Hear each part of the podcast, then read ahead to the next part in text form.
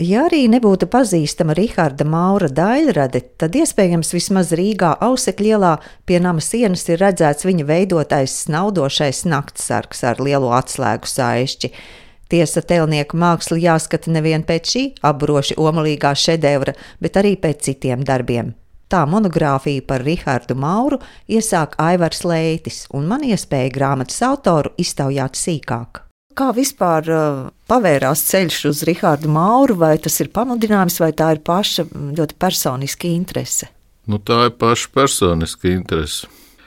Es dzīvoju Almjerā, un tad, kad es biju tāds nu, mazs puika, nu, es nezinu, cik man gadi bija, bet manai mammai viņa bija tāda mākslas mīļotāja, teātris mīļotāja. Viņai Ausekļa ielā, tajā mājā, kur ir tas naktsargs, viņai tur dzīvoja kaut kāda paziņa. Un tad es to skulptūru vispār pirmo reizi ieraudzīju. Man viņš šausmīgi patika. Ārpus Rīgas, tajās pilsētās jau tās skulptūras principā nekādas nebija. Ja? Valmērā tur bija viens uh, ģipšu pionieris un Ļenins centrā, un man viņas tāda nu, alerģija pret viņām bija principā. Ja? Jau kad es studēju, nu, tā es tur brīžiem tā aizgāju, apskatījos, bet nu, tas ansamblis diemžēl sapostīts, jo tur pagalmā bija tas zilonīts, tā strūklaka, nu, viņš bija padomu laikos novests, bet tagad jau viņam nav labāks liktenis, viņš it kā restaurē, bet viņš mētājas galvas ielā tur pie tām telniekiem. Telnieku darbnīcām. Mm. Grāmatā redzams atjaunotais zilonītis pie nama Gaujas ielā 5. Ir arī nelieli attēli ar ausekļu nama pagalmu un baseinu, kāds tas izskatījās 30. gados. Arī attēls, kurā Maurs veido zilonīti. Nu, tā jau ir tā māja, ir tā saucamā bloka māja kuras 30. Eh, gada Rīga būvēja pēc tiem austriešu sociāldemokrātu principā idejām, eh, nu, lai rūpētos par strādniekiem, bet beigās jau iznāca tā, ka tie strādnieki tajā mājā nemaz nedzīvoja. Tur dzīvoja ļoti daudz dažādu inteliģentu un tādu nu, izglītotu un gudu cilvēku. Un tostarp arī pats Maurs. Viņš arī dzīvoja jā, jā, namā, jā, tas principā ir viņa pēdējais dzīvoklis.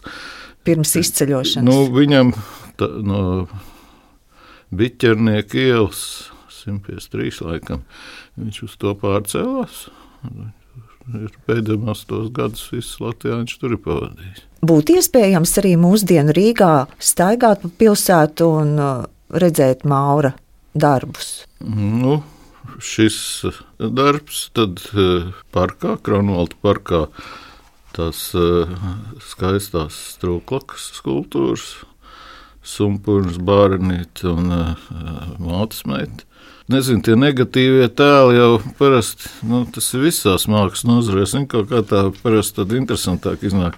Man liekas, ka tur arī, ja tajā kronolā parkā tas sumpurns, viņš tāds. Tur jau gan to sumpuru varētu uztvert kā tādu pozitīvu tēlu.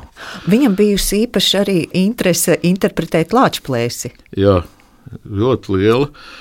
Bet nu, tas tajā laikā, principā, kad ir šī Latvijas valsts izveidojusies, Tas ļoti daudziem māksliniekiem, jo nu, tā tēma Latvijas ir ļoti daudz interesējusi. Viņam ir bijis tāda ideja, ka nāk kuģi iekšā pa Daugavu Rīgā, ka tur varētu uzbūvēt tādu Latvijas skulptūru milzīgu, kurā varētu ieiet iekšā nu, kaut ko līdzīgu kā brīvības statujai Ņujorkā. Ja? Bet nu, to viņš nerealizēja. Ja tur iet runa par to, kas ir pilsētvidē, Tad droši vien jāpiemina arī tas asars ielas pagalmā. Ūdens zirgs, jeb ūdens zvērs. Nu, kā nu kurš viņu tur sauc? Bet tur jau arī ir tādas ļoti skaistas skulptūras, kas tur ir tādu vārtu logailām iepriekšējā. Nu, Aplūkojam attēlus, kuros dekoratīvi cīņi pie blokmājas Jāņa Asara ielā, Bāveri un Kaķis.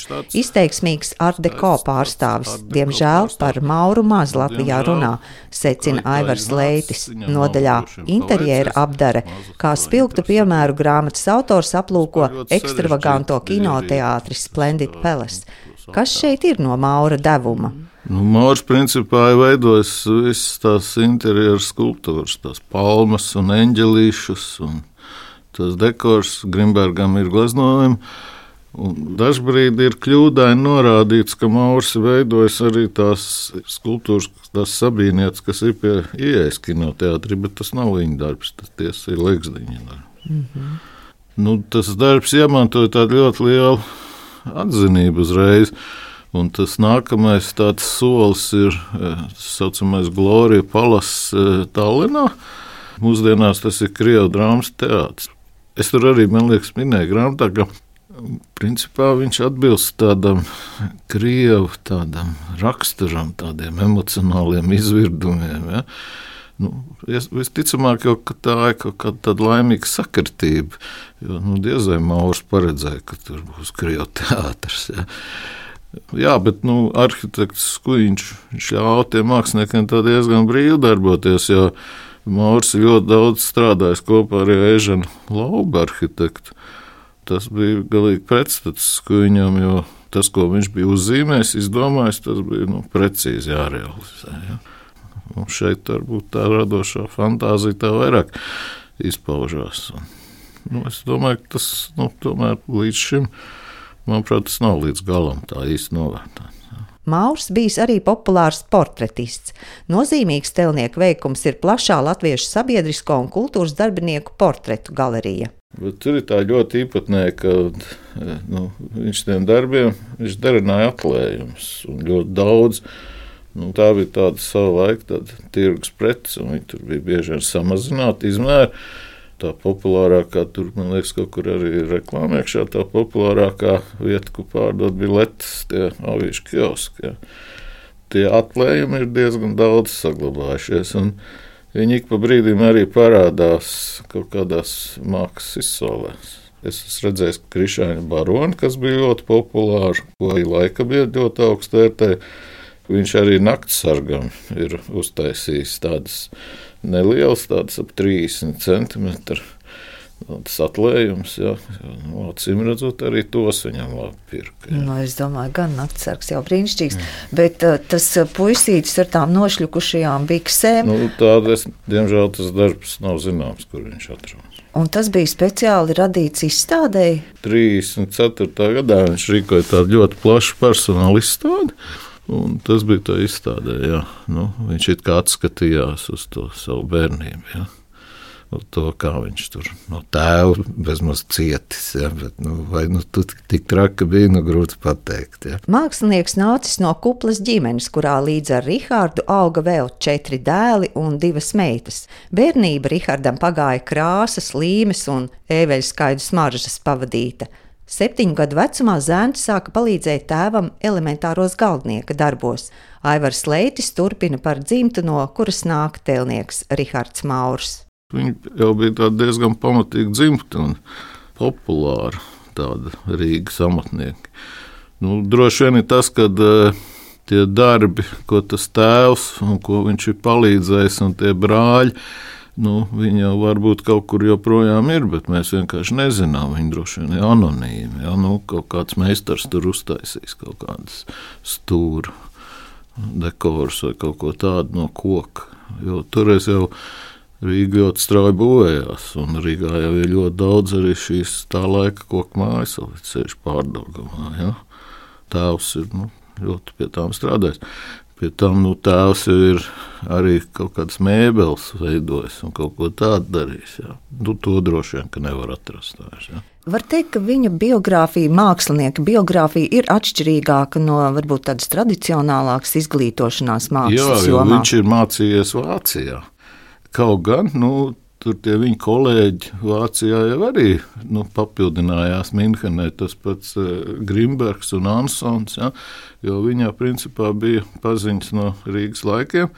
No Grimberga kopā viņš uztaisīja šo grandiozo, splendidu palasu interjeru. Ja.